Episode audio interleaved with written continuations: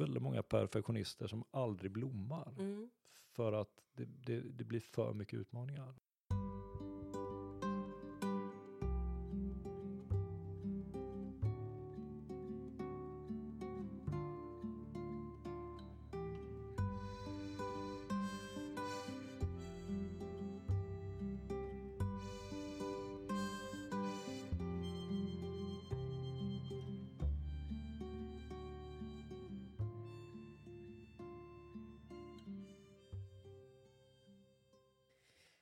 Välkomna till det där samtalet där vi idag har vår första gäst. Och jag önskar jag hade en sån här drum, trumvirvel för så roligt känns det. Vi har ju sagt att vi ska bjuda in gäster vi är nyfikna på och eh, där temat är någon form av upptäckt någon person har gjort, någon förändring i livet, något som har utvecklat dem eller så. Eh, att vi vill utforska hur det var innan, vad som hände och hur man ser på nutiden och framtiden. Och ordet är fritt. Vi eh, ställer inte så många följdfrågor om det inte behövs. Vi får se var det tar vägen. Och eh, ett gemensamt nyfiket utforskande skulle vi kunna uttrycka det som. Och det uttrycket har vi snott från vår första gäst, Johannes. Välkommen. Tack så mycket. Ja, men att du kom top of mind först att tillfråga dig, det har ju att göra med den upplevelsen som både Peter och jag har. Nu är inte Peter med idag för att vi har kommit fram till att det är nog bäst att vara en som frågar om det behövs frågas något. Uh, men vi är båda överens om att du skulle vara vår första gäst. ja, vad roligt. ja. och att du är top of mind är ju uh, inte så konstigt därför att du gör så mycket intryck på oss när vi träffas. Det är alltid varmt, det är tryggt och det är också roligt och väldigt lärorikt att få hänga med dig. Och vet du vad? Detsamma. Ja, vad kul. um, ja, men en positiv känsla runt dig och, och liksom, det är jag nyfiken på hur du har hamnat där och kunna vara den, eh, ha den energin runt omkring dig. Så vi får se vad vi landar i. Det, det är lite min fråga. Ja. Um, och för de som lyssnar liksom på det här behöver ju de få veta lite mer om dig, det som vi redan vet. Så, eller vi tror oss veta. Så, så, du får gärna ta ordet bara och berätta vem är du och lite om ja, din mylla. Och så får du välja själv vad den är för någonting för dig. Mm. Oh, mm. vad, vilken, vilket fint erbjudande. Ja. um, Ja, om jag ska börja från någon form av början så bestämde jag mig väldigt tidigt för att jag skulle jobba som kustjägarofficer hela mitt liv. Mm. Jag var 16 år och då visste jag att det är det här jag ska göra. Utan någon som helst anknytning till försvaret eller kunskap eller vetskap vad det innebar så var det liksom bara det är det här jag ska bli. Mm. Hur kunde du veta ordet? Ja, men jag, jag beställde en rekryteringsbroschyr från kustartilleriet som det hette. Mm.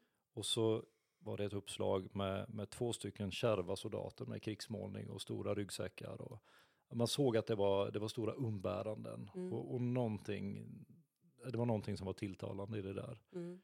Och jag kämpade som 17 för att uppnå det målet. Mm. Och jag blev kustjägare. Och, och då direkt så, så var det här att ja, men jag fortsätter att kämpa och så blev jag officer.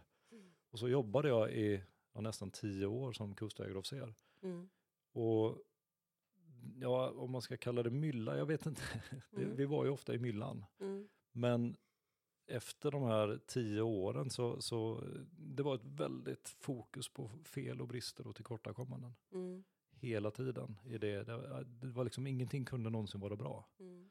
Utan det var en hel värld av, av halvtomma glas. Mm. Det var dåligt putsade kängor, det var dåligt rakade hakor, dåligt bäddade sängar och Mm. felaktigt vikta kalsonger. Alltså allting var så på jobbet och det blev även så hemma. Mm. Och någonstans efter de här tio åren så kände jag att ah, det var som ett uppvaknande. Jag, det påverkade mig, alltså hela mitt liv handlar om de halvtomma glasen. Eh, jag hade svart bälte i backseat driving, eh, att, att kritisera andra utan att de någonsin fick veta det. Mm. Mm, Men, men jag gjorde det, mig rolig på deras bekostnad, men jag vågade aldrig framföra någonting som jag tyckte, tänkte. Eller, Mm. Det känns helt osannolikt för Mm. mig. Ja, vad roligt, vad glad jag blev. ja, Ja. jag har aldrig anat att, det, att du har... Nej, men det är nog det är den bakgrunden som jag har. Men, Ja. men eh, när jag kände att jag, inte var bekväm i den yrkesrollen eller det som det hade fört med sig så började jag söka mig från försvaret. Mm. Men jag var väldigt rädd för att säga upp mig. Mm. Och jag hittade en utbildning på gymnastik och idrottshögskolan. Mm. Så jag gick som officer i två år. Mm. Och eh, när jag tittade på den här kursplanering för de två åren så var det sista delkursen hette eh, organisation och ledarskap. Och jag Mm. tänkte att äh, det här måste jag kunna tillgodoräkna mig för jag jobbar med ledarskap i en organisation. Mm. Men av olika rutiga och randiga skäl så blev det aldrig av att jag gick till skolledningen och presenterade min, min reella kompetens då, för att slippa gå den här kursen. Mm. Och jag vet att ja, men jag var negativt inställd Mm. och vi skulle ha upptakten på den här eh, kursen. Vi stod utanför ballettsalen på gymnastik och idrottshögskolan. Det är Ja. den mest hotfulla miljön för en kustjägarofficer. Då hade jag liksom haft två års av gradvis tillvänjning till den, som, som vi sa, civilakademiska skitvärlden. Det var liksom omdömet av hela den situationen. Ja. Och jag står utanför den här ballettsalen. Negativ, ja, men negativa förväntningar. Ja. Eh, på utsatt tid så går vi in och då står det ett antal stolar i en cirkel. Det är liksom ett, ett vaxat golv, det är speglar ut med hela väggen, en sån här ledstång som man kan stå och göra ballettövningar. Och Mm. jag räknar de här stolarna, på en av stolarna så sitter det en, en rätt så tjock vithårig farbror. Mm. Och så räknar jag att det är 17 stolar och, och vi är 24 i klassen. Han har ingen koll, han vet inte ens hur många vi är. Liksom. Det här, är- oh, alla mina föreställningar bara, det, oh, vad gör jag här? Du Jag var inte skulle så ha, öppen när du gick in där kan man säga. Nej, inte, jag var rätt sluten. Ja. Och när jag har tänkt den här tanken att han vet inte ens hur många vi är så, så säger den här vithårige mannen som visar sig vara otroligt klok. Mm. Nu kanske någon undrar eh, varför det står 17 stolar här. Det är klart att jag vet att ni är 24 i klassen. Men mitt resonemang är så här att ni är ju vuxna människor. De flesta av er har både rösträtt och körkort. Mm. Så ni vet vad ni behöver vara och när. Så att Mm. jag förväntar mig aldrig att alla kommer, utan ni väljer. Det här är som ett smörgåsbord. Ni väljer vad ni vill ta del av. Mm. Och, och ni ska få ett första tips. Eh, om ni ska sitta i cirkel, och det finns en stor vits när man träffar någon första gången, vi sitter alla på samma nivå, ställ alltid fram färre stolar än det förväntade antalet deltagare, för det är alltid mycket mer positivt att vidga en cirkel och släppa in fler, istället för att behöva ta bort tomma stolar. Ja. Så smart. 40 sekunder så hade han fångat mig. Ja. det. det var liksom ett helt annat perspektiv. Mm. Och han hade också ett, ett nyfiket utforskande i mötet med alla. Jag Mm. kom från en kultur som inte förväntade sig att jag skulle säga vad jag tyckte. Mm. Eh, jag körde backseat driving och skojade om den som hade talat. Eh, Mm. och så möter jag någon som använder sig av aktivt lyssnande och sitter och verkligen, mm, ja, mm, Mm. intressant, Mm. speglar eller parafraserar eller visar att jag är 100% närvarande i samtalet. Och det gjorde ett enormt stort intryck på mig. Mm. Och eh, senare så förstod jag att men det, här är, det här är förmågor som man kan lära sig. Mm. Att verkligen, verkligen vara närvarande. Mm. Men han fick mig att börja sä- sätta ord på sånt jag tänkte. Mm. Att våga testa. Vad händer om jag säger det här högt? Så att eh, ja, det som jag tyckte var det mest meningslösa blev kanske det mest givande på de här två åren. Mm. Häftigt, men om vi backar lite, kände du att det var tiden i Försvarsmakten som formade det här tänkandet och beteendet? Eller? Ja, men det där har jag funderat ganska mycket på. Eh, jag tror att jag... Det kanske fanns ett skäl att just jag hamnade där. Eh, hela mitt liv har handlat jättemycket om prestation. Du sa det här med nyfiket utforskande. Det är ju ganska nytt för mig. Mm. Jag har ju varit i 100% strävsamt uppnående Mm. i 42 år. Mm. Hela tiden valt de största utmaningarna, hela tiden kämpat som 17. Och idag så ser jag på det som att jag, jag har gått ner i livets flod varje morgon och börjat simma motströms. Det Mm. har alltid funnits ett, ett uppsatt mål någonstans. Det har alltid varit mot strömmen. Mm. Och om, eh, om strömstyrkan i, i livets flod har ökat, då har jag bara kämpat hårdare. Jag Mm. har haft olika mantran med mig från tiden som kustägare om att bita ihop och vilja och pannben och det som inte dödar härdar. Mm. Jättemånga små praktiska knep Mm. om livet om man vill driva sig in i väggen. Mm. Mm. Men, men varför då? Stannar du upp någon gång under de där åren? Och, och liksom, blev du inte trött? Eller? Ja, men jag, jag tror att det var väldigt hög grad av dissociering, att inte känna efter. Alltså det var hela mantrat var att bita ihop, Mm. vilja. Mm. Eh, jag skapade också ett normsystem som var att om någonting blev bra så var det lika med normalt. Det var typ en baseline, det var typ Ja. nollnivå och så. Mm. Men om någonting blev sämre än bra så kunde det vara en fullständig katastrof. Mm. Och idag så kan jag tänka att ja, men det, det är också ett, ett bra recept om Mm. man vill gå in i väggen. Mm. Att aldrig fira några framgångar, Mm. utan ständigt förvänta sig mer. Jag tror att jag haft ett annat förhållningssätt till andra. tidigare. Jag har jobbat inom folkbildning också. Mm. Det bygger väldigt mycket på att ja, men, se och bekräfta människor där de är. Men jag har haft en annan måttstock gentemot mig själv. Mm. Ja. Mhm. Så, vad hände? Alltså, ba- bara jättekort så här. Vad, hur lång tid sa du? Tio år totalt i, Ungefär tio år, ja. ja. Och man börjar som rekryt och sen Ja. kör man... Så fortsatte jag, jag, jag hade en helg ledigt. Och sen så började jag på förberedande officerskurs och sen började jag på officershögskola. och hur länge går man där? Så, Två år. två år. Mm. Och sen börjar man som officer och Ja. hjälper andra att tänka. Ja, i grunden är det ett pedagogiskt yrke och det är väl det som har varit den röda tråden i mitt yrkesliv, att jag alltid jobbat med människor på något Mm, sätt. Jag, mm. Men sen utifrån olika måttstockar då. Mm. Jag får nog backa på det där med, med tillåtande, generös och förstående. Det var liksom inte den, the unique selling point inom kustjägarna, att Nej. vara särskilt förstående, utan det var väldigt ja, höga krav helt enkelt. Mm. Mm. Och lite förståeligt på ett sätt, ju, för vi behöver, det är tuffa situationer man möter om man då, om man Mm. då hamnar i, i eh, hett eller akut situation. Ja, liksom. nej, men så, så är det ju. Och eh, det var ju väldigt lätt att argumentera för det. Att, Mm. eh, som vi övar i fred så kommer vi göra i krig. Mm. Eh, så, så det var ju hela idén. Det var ju hela idén bakom det här med att det var väldigt, väldigt tidsstyrt. Och, Mm. ehm, ja. Jag blir nyfiken på om det skulle gå att tänka annorlunda även i en försvarsmakt, men det, det kanske vi inte... Ja, men jag, jag, har, jag har väldigt lite kontakt med min, min tidigare arbetsgivare och tidigare Mm. kollegor, alltså utifrån den yrkesrollen. Mm. Men för några år sedan så hade jag ett samtal med en som är kvar Mm. och jag pratade just om det här, men jag har kommit till någon form av insikt eller upplevelse att jag var med på en massa saker som jag idag har väldigt, väldigt svårt att motivera. Och jag, Mm. alltså det här med organisationskultur, Mm. vi, det hände ju att det var någon som hade synpunkter på hur vi agerade. Och hela svaret från oss som var skolade i samma system, det var ju att skjuta budbäraren. De kom med, med en värdefull feedback eller Mm. en återkoppling, en ref- reflektion eller fråga, Mm. men varför gör ni så här? Mm. Så vi som var skolade i systemet, vi vände oss och sa, vem fan är du? Mm. Det var liksom, Mm. det var ingen öppenhet för förändring eller för eh, andra åsikter. Det var en väldigt smal åsiktskorridor det där. Mm. Ja, och sen? Vad hände sen?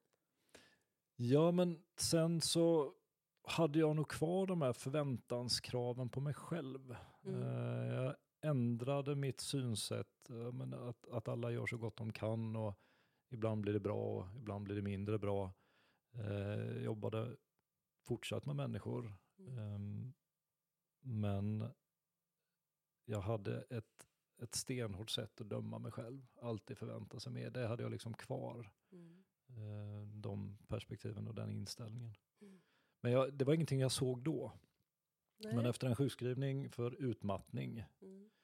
så eh, fick jag hjälp att ta kontakt med företagshälsovård. Mm. Och det, det var också, men det är en rätt så strikt manlig miljö kan man säga, den, den delen av Försvarsmakten där jag var. Och, och man kan ha skottskador och, och skärsår och, och gärna sy några stygn och brutna ben och stukade fötter. Men när det är någonting som inte riktigt lirar i, i sinnevärlden Mm. så blir det väldigt hotfullt. Mm. Så att jag fick hjälp att ta kontakt med företagshälsovård. Och jag fick träffa en socionom som jag kommer dit liksom med, med famnen full med, med otillräckliga och tillkortakommanden och säger att jag har 800 000 saker i mitt liv som jag inte hinner med och jag får svaret, vet du vad, du ska göra en sak till, nämligen mindfulness. Mm. Och jag minns så väl att jag satt på en stol och skulle lyssna på en kroppsskanning och jag var som en, som en spänd fjäder Ja. och bara listade i huvudet allting som inte blev gjort för att jag skulle sitta och lyssna på en trött röst i 20 minuter. Och, ja, jag, ja, men jag, jag är nog väluppfostrad i grunden så jag sa ingenting. Mm. Utan jag härdade ut och sen så tänkte jag för mig själv, aldrig mer. Mm. Och sen, det löste inte mina, mina utmaningar. Utan jag fick hjälp att träffa en doktor och när doktorn ställde den viktigaste frågan som jag fått i hela mitt liv. Mm. Och det var, Johannes, hur gör du när du återhämtar? Mm. Och jag hade inget svar. Visste du vad det var? Ja, ja, men jag hade väl något vagt begrepp, men det var en klok doktor som Mm. höll fast vid frågan Mm, och förtydligade för mig. Om du nu inte ska jobba på ett tag, mm, vad finns det som du kan göra som där du hittar någon form av återhämtning? mm, Och efter en lång betänketid så sa jag att ja, men jag, då kan jag paddla kajak. Jaha, sa hon, så tog hon ett vitt papper. Kajak, hur ofta orkar du det? Det ska inte vara för mycket. mm, Och som sagt, jag hade 800 000 saker som jag inte hade hunnit med. mm, Och så är det någon som antyder att kajak skulle kunna vara på gränsen till för mycket. Men så att jag, jag kan paddla två gånger i veckan. mm. Okej, då skrev hon kajak två gånger i veckan. Orkar du någonting mer? Mm. Ja, och jag fick lite feeling så jag sa jag kan vandra på gränser två gånger i veckan. Ja. Lite feeling. Ja. Och så sa hon att ja, men då, det räcker där. Och så gav hon mig pappret och sa det här är ditt recept. Det är det här du ska göra för att komma Ja. tillbaka. Vad klokt. Ja, det var helt otroligt bra. Och jag träffade henne för kanske två månader sedan, bara sådär helt apropå. Och då sa jag det, tack för den viktigaste frågan jag Ja. fått. Hur gör du när du återhämtar? Men får jag bara de här 800 000 sakerna. Mm. Ehm, vad kunde det vara? Alltså det var, Som kändes så ja men varje natt klockan tre så började ett tanketåg Mm. eh, med saker som, alltså tankar länkar i varandra. Det Mm. kunde börja med en tanke kring att besiktningsmannen i vårt hus sa att, att panelen eh, behövde bytas och att det var akut. Mm. Och klockan tre på natten, det kunde akut vara att egentligen så har jag inte tid att ligga här, Mm. utan jag borde gå ut och byta panel nu. Mm. Och den tanken klockan tre på natten är 100% verklig. Mm. Klockan tre på dagen så är den inte det. Mm. Men, men det triggade hela systemet så att jag hjärtklappning och alltså börja Mm. en, en djupare anhämtning och stress helt enkelt. Mm. Eh, och sen länkade in i nästa tanke, nästa katastrofområde som länkar in i nästa och nästa. Och där har du de här 800 000 sakerna som kan räknas upp sig Mm. på natten. Jag har inte ens tid att ligga här. Mm. Och alla känns lika viktiga gissar jag. I den. Ja, Ja. Precis. Mm. Och, och lång tid i mitt liv så prioritering handlar inte om vad ska jag göra och inte, utan i vilken ordning ska jag göra alla viktiga saker. Mm. Och idag så ser jag på det på ett annat sätt. Mm. Du planerar inte så här då, så att det var slag i slag gissar jag. Det överlappade. Du skulle, eller hur? Ja men eh, hur absolut. skulle du lösa de där 800 Ja. 000 sakerna? Ehm, ja men det finns ju ingen lösning på det. Det lösningen måste ju vara att ta bort saker. Mm. Mm. Men, men efter den här tiden då när jag hade paddlat kajak två gånger i veckan och vandrat, då, då gjorde jag det också utifrån ett annat perspektiv. Jag har hela tiden haft pulsmätare och jag har mätt sträcka och jag har ackumulerat hur mycket jag har tränat det här året och jag har liksom tävlat i, i multisport eller adventure racing med långa tävlingar och träningstid på mellan 10 och 15 timmar i veckan har varit Mm. liksom normal.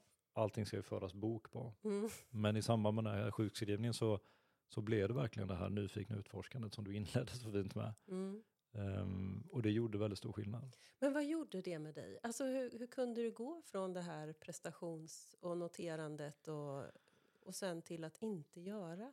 Ja, men ibland kommer man till ett sånt, eh, alltså den, den vägen var slut. Det, det, Mm. var liksom, det, det fanns ingen fortsättning på den vägen. Mm. Eh, för så som jag hade levt där, ja men åtminstone ett halvår och vakna klockan tre på natten med och, känslor av otillräcklighet och jag skulle kalla det ångest. Mm. Min största rädsla handlar om att, att min lektionsplan för den följande dagen på, på kanske Sveriges mest toleranta arbetsplats Mm. inte skulle räcka hela vägen fram till när schemat var slut. Mm. Och, och idag så är det en sån diffus, ja, jag kan nästan inte beskriva det där utan att, att dra på munnen. Mm. Men det var så verkligt. Mm. Vad skulle hända? Vem skulle jag vara om min lektionsplan, min, min perfekt planerade lektion skulle ta slut klockan ett? Mm. Och det är två timmar till jag kan säga nu är dagen slut. Vad skulle hända? Jag Vad var ingenting. din föreställning? Ja, men det, jag, jag kunde inte ens föreställa mig att det skulle Nej. ske. Och idag tänker jag så här, tänk om jag en gång under två år hade sagt, vet ni vad? Jag hade inget mer idag. Klockan är bara ett. Bra jobbat. Mm. Vi ses imorgon. Ja, ta ett bad där nere i Det, viken. det fanns inte i min värld. Nej. Det fanns inte i min värld. Och alla de här åren då när jag liksom kämpade på med det här att upprätthålla någon form av fasad.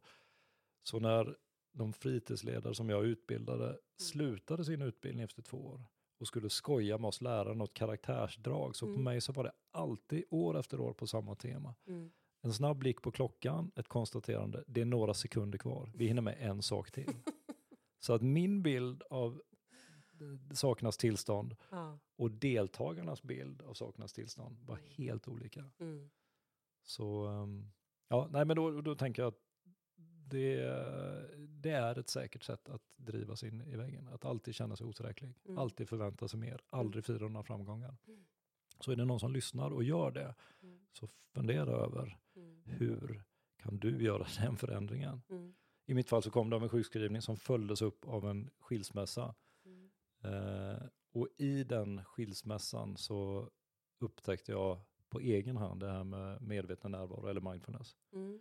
Eh, oerhört, men jag hade stort motstånd, jag hade ju provat Mm. eh, och jag hade dömt ut det aldrig mer. Mm. Men så satt jag på biblioteket en lördag och så gick jag fram till psykologihyllan. Och så hittade jag en bok som stod med ryggen åt där det stod mindfulness, en väg ut ur nedstämdhet. Mm. Och det lät ändå lite spännande. Mm. Jag hade nog en misstanke och jag kände mig inte glad. Mm. Eh, och jag tror att jag hade haft när, varit i depressivt tillstånd ett Mm. tag. Mm. Och jag började läsa och inledningen av boken handlar om precis det där som jag hade upplevt ett halvår innan. Alltså att vakna på natten med en mängd olösliga problem. Mm. Och har du upplevt det, då kan den här boken vara någonting för dig. Så jag, och då jag Det blev var väldigt, spot on där. ja men det kändes som det talade till mig. Ja. Och, och jag blev väldigt intellektuell, jag ska lösa allting i huvudet. Mm. Så jag lånade boken och jag började läsa. Och ehm, jag tyckte att det var intressant. Det, det var liksom, ja men det slog an en ton. Mm. Och i texten så refererar de till prova gärna den medföljande skivan med meditation. Och det hade jag ju verkligen gjort och det var ju helt värdelöst, så Mm. aldrig mer. Mm.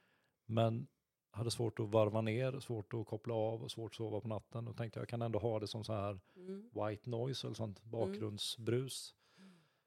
Och då började det med en kroppsskanning och en vänlig röst som säger att börja med att lägga märke till att du andas. Mm. Från ett perspektiv av mindfulness så betyder det att det är väldigt mycket som är bra med dig. Mm. Och så hade jag aldrig sett på mitt liv. Du andas, det är väldigt mycket som är bra. Kunde du känna andningen? Fick du kontakt med det? Ja men efter ett tag. Mm. Det, men det är också, det är så mycket, det är så väldigt långt ifrån att sträva. Mm. Inom mindfulness pratar man till och med om att inte sträva. Mm. Ha inga förväntningar, gör ingen bild av att det ska vara på ett visst sätt. Det, det är som det är. Mm. Och de här, de här perspektiven kommer tillbaka hela tiden. Mm. Så det börjar med det här att lägg märke till att du andas och, och det betyder att det är väldigt mycket som är bra med dig. Mm. Och kom alltid ihåg att vara vänlig och kärleksfull även mot dig själv. Och Mm. Efter att ha lyssnat på det där eh, under lång tid så börjar det ändå bli begripligt och sen börjar det bli verkligt och sen så börjar det vara möjligt att tillämpa det Mm. på sina brister och fel och tillkortakommanden. Ja, det, det är så här det är att vara människa. Så för mig har ju det varit, Mm. det har ju varit den stora vattendelaren i Mm. mitt liv. Jag ska inte prata om mig, men jag kommer ihåg, jag kan relatera tror jag, liksom, och jag blir intresserad av hur vändningen går till i det där. För att jag kommer ihåg att jag satt och skulle känna kroppen mot stolen. Mm. Jag fattar inte vad frågan Nej, var. nej. Va- Vadå kroppen mot stolen? Jag Mm. sitter ju på stolen. Ja. Det är klart jag känner stolen. Ja, men känner du kroppen mot stolen? Mm. Ja, men det gör jag väl. Mm. Liksom. Ja, men det här är ju en, det här är en klassiker. Ja. Alltså, det är ju en konsekvens av att inte lyssna. Det finns ju ett signalsystem i kroppen. Mm, mm, Och, och just den här inledande övningen som jag börjar med, den här kroppsskanningen, Mm. eh, handlar ju om det. mm, Att börja med att känna förnimmelsen av andetaget, hur luften rör sig in och ut. Och, mm, och sen så flytta uppmärksamheten ner i, i vänster ben och så ner i vänster stol. Och det här var ju, alltså, herregud, kustjägarvärlden, Ja. så är det här superflum. ja. Verkligen. Men när jag ändå började laborera med det här, eller så, så kanske sjätte gången Mm, riktar uppmärksamheten ner i vänster ben, ut i vänster fot och vänster stort. Och, och sjätte gången så är det som en, en vibration, det finns liksom en, en rörelse allra längst ut i kroppen. mm. Och direkt när jag känner det så tänker jag, shit, det här funkar, jag måste Mm. bli instruktör. Ja, direkt en prestationstanke. Ja, Så, det så, här måste jag lära andra. Ja, ja, ja det, det var ju mitt argument för att få gå den här utbildningen som Ja. fortbildning. Det handlar ju om alla andra. Mm. Men sen så fick jag som en, en insikt under en, en eh, guidad meditation att det handlar ju bara om mig själv. Mm. Så, men, men i mitt liv så har det verkligen varit vattendelaren. Det här att, att, att lära mig långsamt, gradvis att vara vänlig och kärleksfull, även mot mig själv. Mm. Så att jag har gått från två måttstockar. En som jag har, ja men jag vill nog ändå tro att jag har varit vänlig, generös och tillåtande mot andra men dömt mig själv så oerhört hårt. Mm. Men inte mer.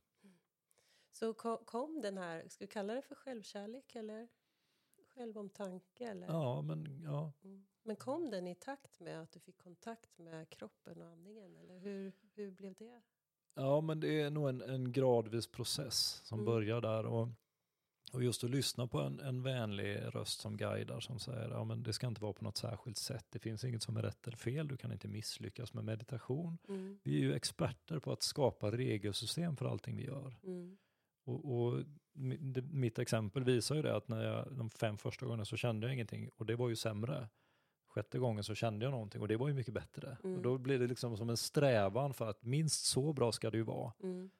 Men så finns den där rösten som talar om att ja, men, det där är system som vi själva bygger upp. Mm. Utan i den mån det ens finns ett uppdrag Mm. så är det att utforska hur är det just nu. Mm. Det här förändras. Mm. Det är olika från gång till gång. Mm. Dömda inte så hårt. Mm. Ehm, försök att, att rikta uppmärksamheten på förnimmelse av andetaget. Men om tankarna far iväg, och det gör det för alla, Mm. så ta tillbaka dem på det pågående andetaget, det som är här och nu, Mm. utan att döma och värdera. Mm. För det kommer så oerhört snabbt, den här tanken, "Åh, jag borde kunna det här bättre, eller alla andra kan, eller Mm. varför är det här så svårt? Igår gick det ju. Så, Vilket- så hamnade jag i. Ja. Ja. men jag, igår? Ja. Nej, men idag? Fy Och, och den bedömningen, det är också en tanke. Och tankar är inte verkliga. Och de här Nej. tankarna på natten som jag hade, ja, de var så verkliga. Men Mm. idag när de här tankarna dyker upp, för det gör de, Mm. kan jag tänka, ja, kommer den där gamla tanken? Tjena! om den där panelen som fortfarande inte är akut. så, nej, men det, ja, Ja. nej, men det, att vara vänlig och kärleksfull även mot sig själv. Ja, och det, jag kallar det för det här nyfikna utforskandet. Alltså, Mm. eh, så, så jag blir glad att höra den här upplevelsen av närvaro. För är det någonting som jag önskar att höra så är det precis det där. Mm. Att, att uppfattas på det viset. Mm. Mm. Ja, vilken, vilken eh, resa. Men du- du började med andning och sen vidare. Och så bestämde du för att bli instruktör. Ja. Och då argumenterade jag utifrån det att alla här är stressade. Mm. Eh, ja, jag hade ju liksom hela bilden klar, inte jag så mycket, men, men alla andra och jag kan liksom rädda det här om jag får gå den här utbildningen. Mm. Och under den så, så eh, ja men dels så är det ett, ett helt annat sätt att se på livet. Mm. Eh, med, med sju stycken attityder som, som bryter av så mycket. Bara det här med att inte sträva. Mm. Det är liksom, idag så ser jag det som att jag går ner i livets flod och så släpper jag taget och så ligger jag på rygg och följer med strömmen. Mm. Vilket gör att jag har ett, ett synfält som är 180 grader. Mm. Istället för att när, när jag har simmat motströms mot det där diffusa målet någonstans långt där borta Mm. Och strömstyrkan har ökat så har synfältet bara krympt och blivit ett sugrörssyn mot det där målet. Mm. Och idag så upplever jag att det finns, det är liksom en värld full av spännande möjligheter och spännande möten för att Mm. jag har tid att se att det där finns. Mm. Och, och sannolikt så var det så även när jag höll på att kämpa motströms. Mm. Att de här tillfällena och möjligheterna fanns. Men jag kunde inte se dem för jag hade blicken på målet där borta. Mm. Så, mm. Har du varit liksom eh, lugn och trygg i det under den här eh, liksom resan att du ska hitta fram någon, någon lösning eller någon... Eh, eller hur har du... Hur har känslorna och tankarna gått kring det? Ja, eh, nej. Ja, men jag har nog försökt att leva efter det där. Att, att inte sträva, inte döma. Att, eh, att, att ha tålamod. Saker och ting tar tid. Mm. Eh, Att använda mig av en nybörjare sinne. Att se på saker som om det vore första gången. Mm. Ehm, så, så att, eh, och jag, det är alltid lättare om man, man tittar bakåt och ser varifrån kommer jag. Mm. eh, För att se var befinner jag mig idag. Mm. Och det finns en, en tydlig röd tråd i eh, de här stegen som har lett till där jag är idag. Alltså, idag så har jag ju ett, ett företag Mm. och tankarna på det har jag haft i 15-20 år. Mm. Och jag har gått starta eget-kurs tre gånger. Mm. Men när jag tittar bakåt så de två första gångerna så, så tolkade jag nog det mer som en starta inte eget-kurs. För det var så mycket fokus, nej men det var så mycket fokus på, på utmaningar och problem. Förlåt, du är så rolig med, med begreppen ibland. Ja, och jag, egentligen så det kanske inte handlar jättemycket om kursen, men det handlar om mina förhållningssätt. Ja, det jag uppfattar, ja. Ja. Mm, för jag uppfattar att nu kommer en expert på försäkringar. Och ska prata i två timmar och det jag hör är att har man inte koll på försäkringar så ska man inte driva företag. Mm. Och jag har ingen koll på försäkringar. Mm. Och sen nästa gång så kommer en bokföringsexpert och det jag hör är att har man inte koll på bokföring så ska man inte driva företag. Nej. Och så blir det liksom sex experter som uttalar sig om komplexiteten i sitt eget område och jag har bilden av att allting måste vara perfekt om Mm. det ska göras. Mm. Och, och bara häromdagen så, så läste jag en artikel i, i DN som handlar just om det här med perfektionismens hämsko eller det, pedant, alltså det pedantiska sättet. Och så vi har bilden av att alla framgångsrika personer är perfektionister. Mm. Och de finns. Men det är också väldigt många perfektionister som aldrig blommar. Mm. För att det, det, det blir för mycket utmaningar. Och jag, igenkänningen är så hög. Mm. Att, att i 15 år liksom ha idén men det stupar på att jag kan inte allting som jag måste kunna. Mm. Och, och nu så har jag haft mitt företag i, det börjar närma sig tre år. Mm. Och jag ser det som ett, ett nyfiket utforskande eller som att lära sig cykla. Mm. Det, det hör till att köra i diket. Mm. Ingen eh, klarar sig utan. Mm. Och också det där att särskilja mitt värde som person från resultatet av mina prestationer. Mm. Har också varit en, jag behöver inte värdera dem utifrån hur saker och ting går. Mm. Jag behöver inte ens värdera utifrån hur andra värderar. Mm. Så, så när jag får frågan hur, går det med företaget så svarar jag jag mår bra. Mm. För det är en enskild firma och, och det är liksom min måttstock. Mm. Så um, nej, mycket, mycket friare. Mm. Spännande. Du måste ju berätta vad det är du gör. Ja, men jag har Mm. ett naturturistföretag som handlar om nyfiket utforskande. Mm.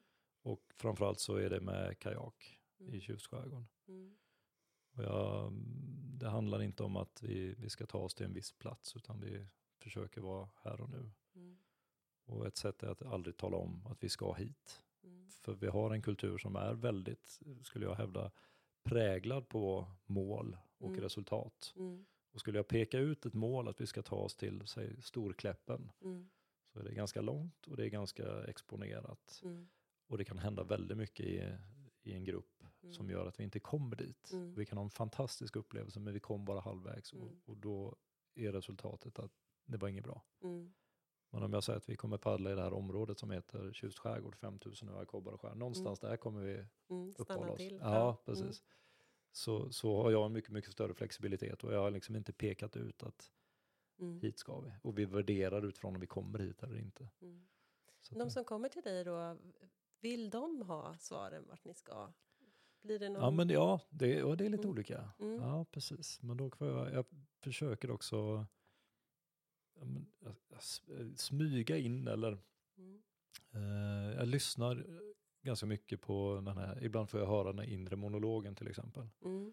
Eh, det är en, en ganska, ja, det är ofta halt och lite stenigt och lite Mm. rötter och sådär. Och så är det någon som snubblar till och så kommer en sån här bedömning. Det är typiskt mig, jag är alltid så klumpig. Då frågar jag så här, men du, om det hade varit jag, hade du sagt, det är typiskt dig, du är Mm. alltid så klumpig. Nej, Mm. nej, det kan man ju inte göra. Nej. Nej, så här, men vad är skillnaden? Alltså det där som vi hela tiden matar oss med, det blir ju våran verklighet någonstans. Mm.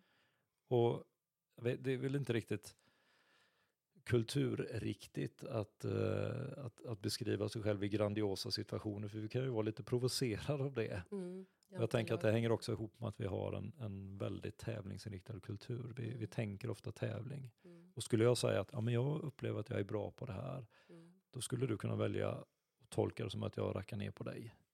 Mm. Jag har inte nämnt det. Mm. Eh, Jag har inte nämnt eh, vad jag jämför med. Jag kanske jämför med hur jag var när jag var 20 år.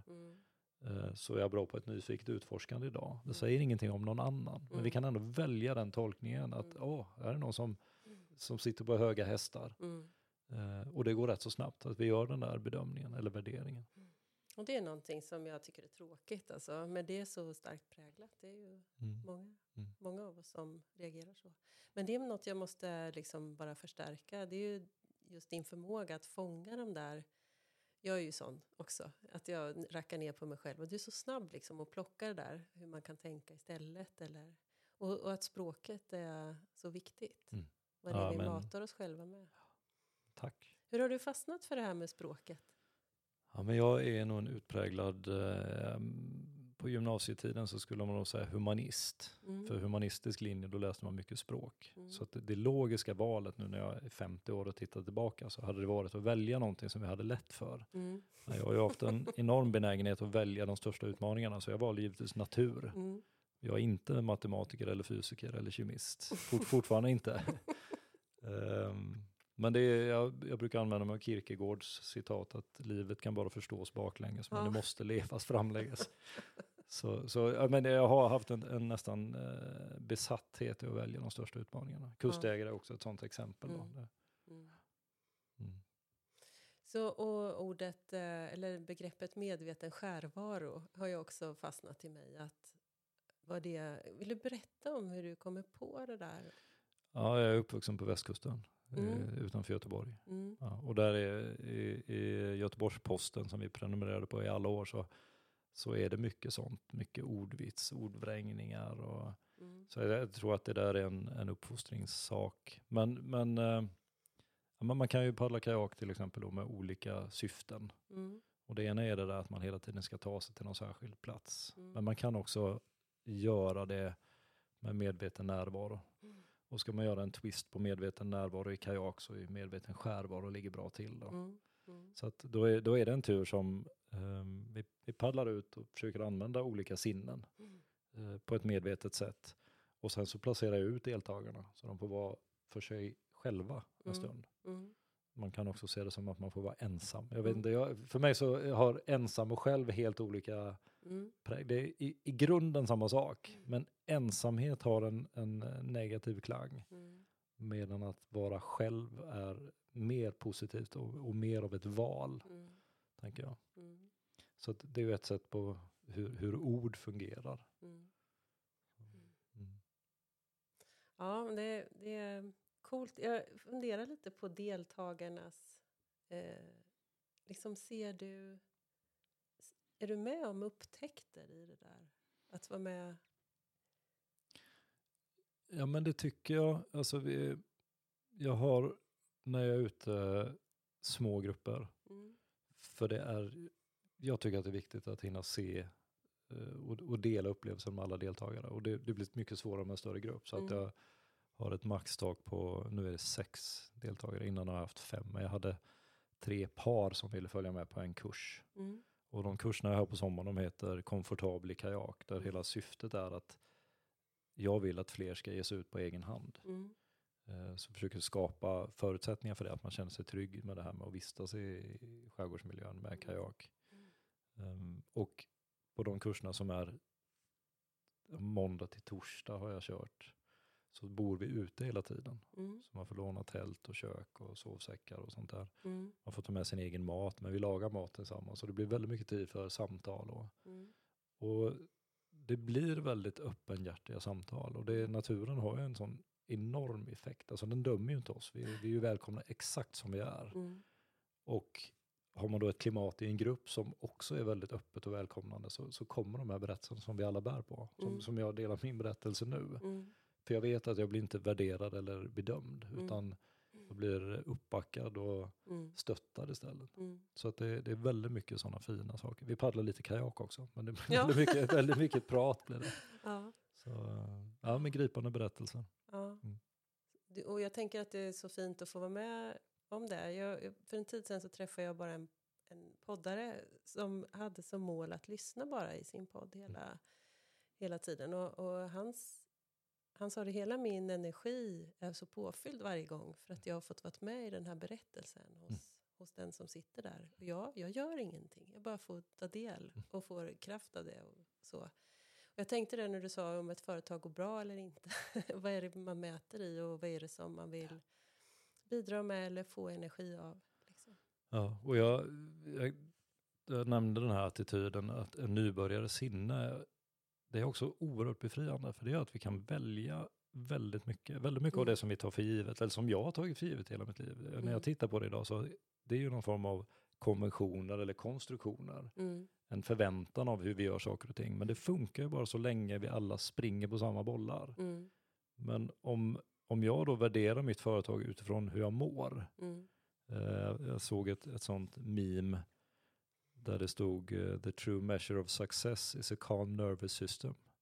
Och det är ett sätt att värdera framgång. Mm. Att ja, men jag, jag mår bra, jag Mm. känner mig lugn, jag känner mig trygg, jag har ingen oro. Mm. Eh, och för mig så är det, ett- det är ett oskattbart värde. Verkligen.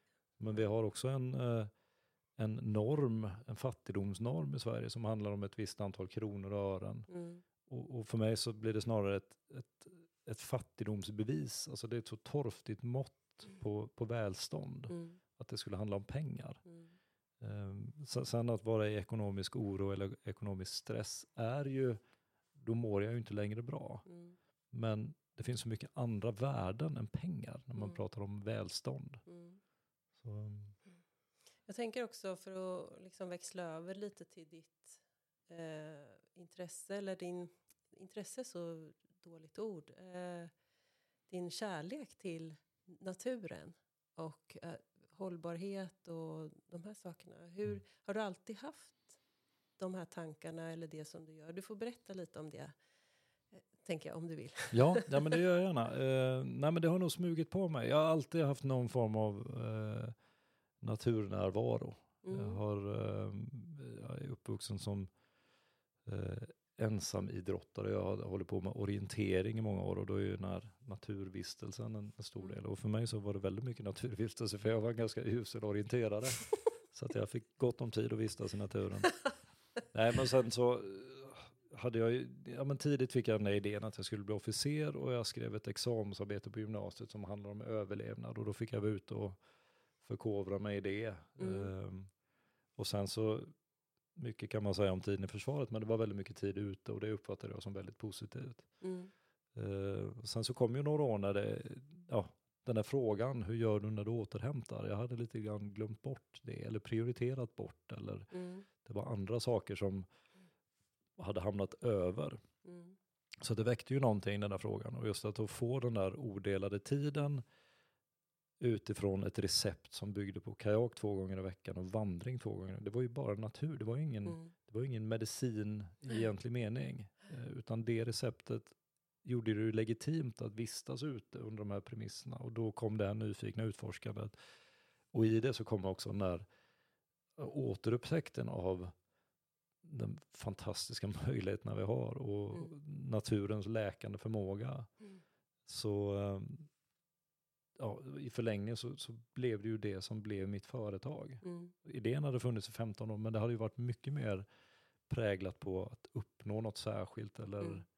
mäta eller alltså lära ut på ett annat sätt. Nu är det liksom att skapa förutsättningarna för, för naturvistelsen och i det så kommer också den här hållbarhetsfrågan. Ehm, f- för det här är ju ett lån som jag säger det. är, Mm. vi får ju lov att njuta av det här nu men vi får ju också ta ansvar för de som kommer sen. Mm. Så att de har samma möjligheter och samma förutsättningar. Mm. Så att, ehm, och att, att kommunicera utifrån det. Jag, jag gick en kurs som hette entreprenör i ekoturism. Och Mm. den första delkursen handlade just om den här hållbarhetsfrågan och den, den fick upp mina ögon lite grann på ett sätt. Jag kände mig rätt provocerad för att den som höll i kursen började med Agenda 2030 och de 17 globala målen Mm. och, och sa att det här är ju en självklar utgångspunkt för en naturturismföretagare. Mm. Och då tänkte jag att men det där är ju något överstatligt som Mm. nationer skriver på för att det förväntas att man gör det, sen händer det inte så mycket. Och så gick jag och, och knöt näven i fickan och, och grubblade i två veckor enligt klassiskt maner, Mm. sa ingenting.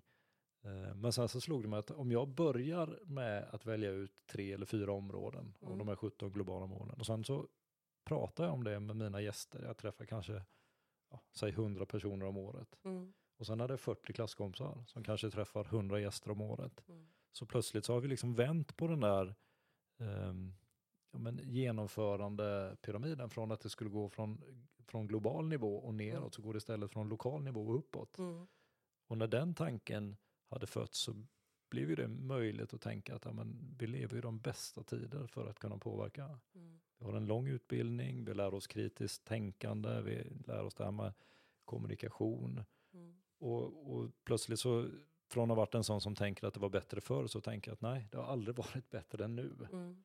Men det gäller att vi ser möjligheterna. Mm. Och det finns otroligt mycket som vi kan vara med och, och påverka och Mm. tycka. Och det spännande med det att det, det, det är så berikande för en själv. Mm. Det handlar inte om att berika sig utan bli berikad Mm. av att kommunicera utifrån det och se, se saker och ting som att det verkligen är möjligt att påverka. Mm.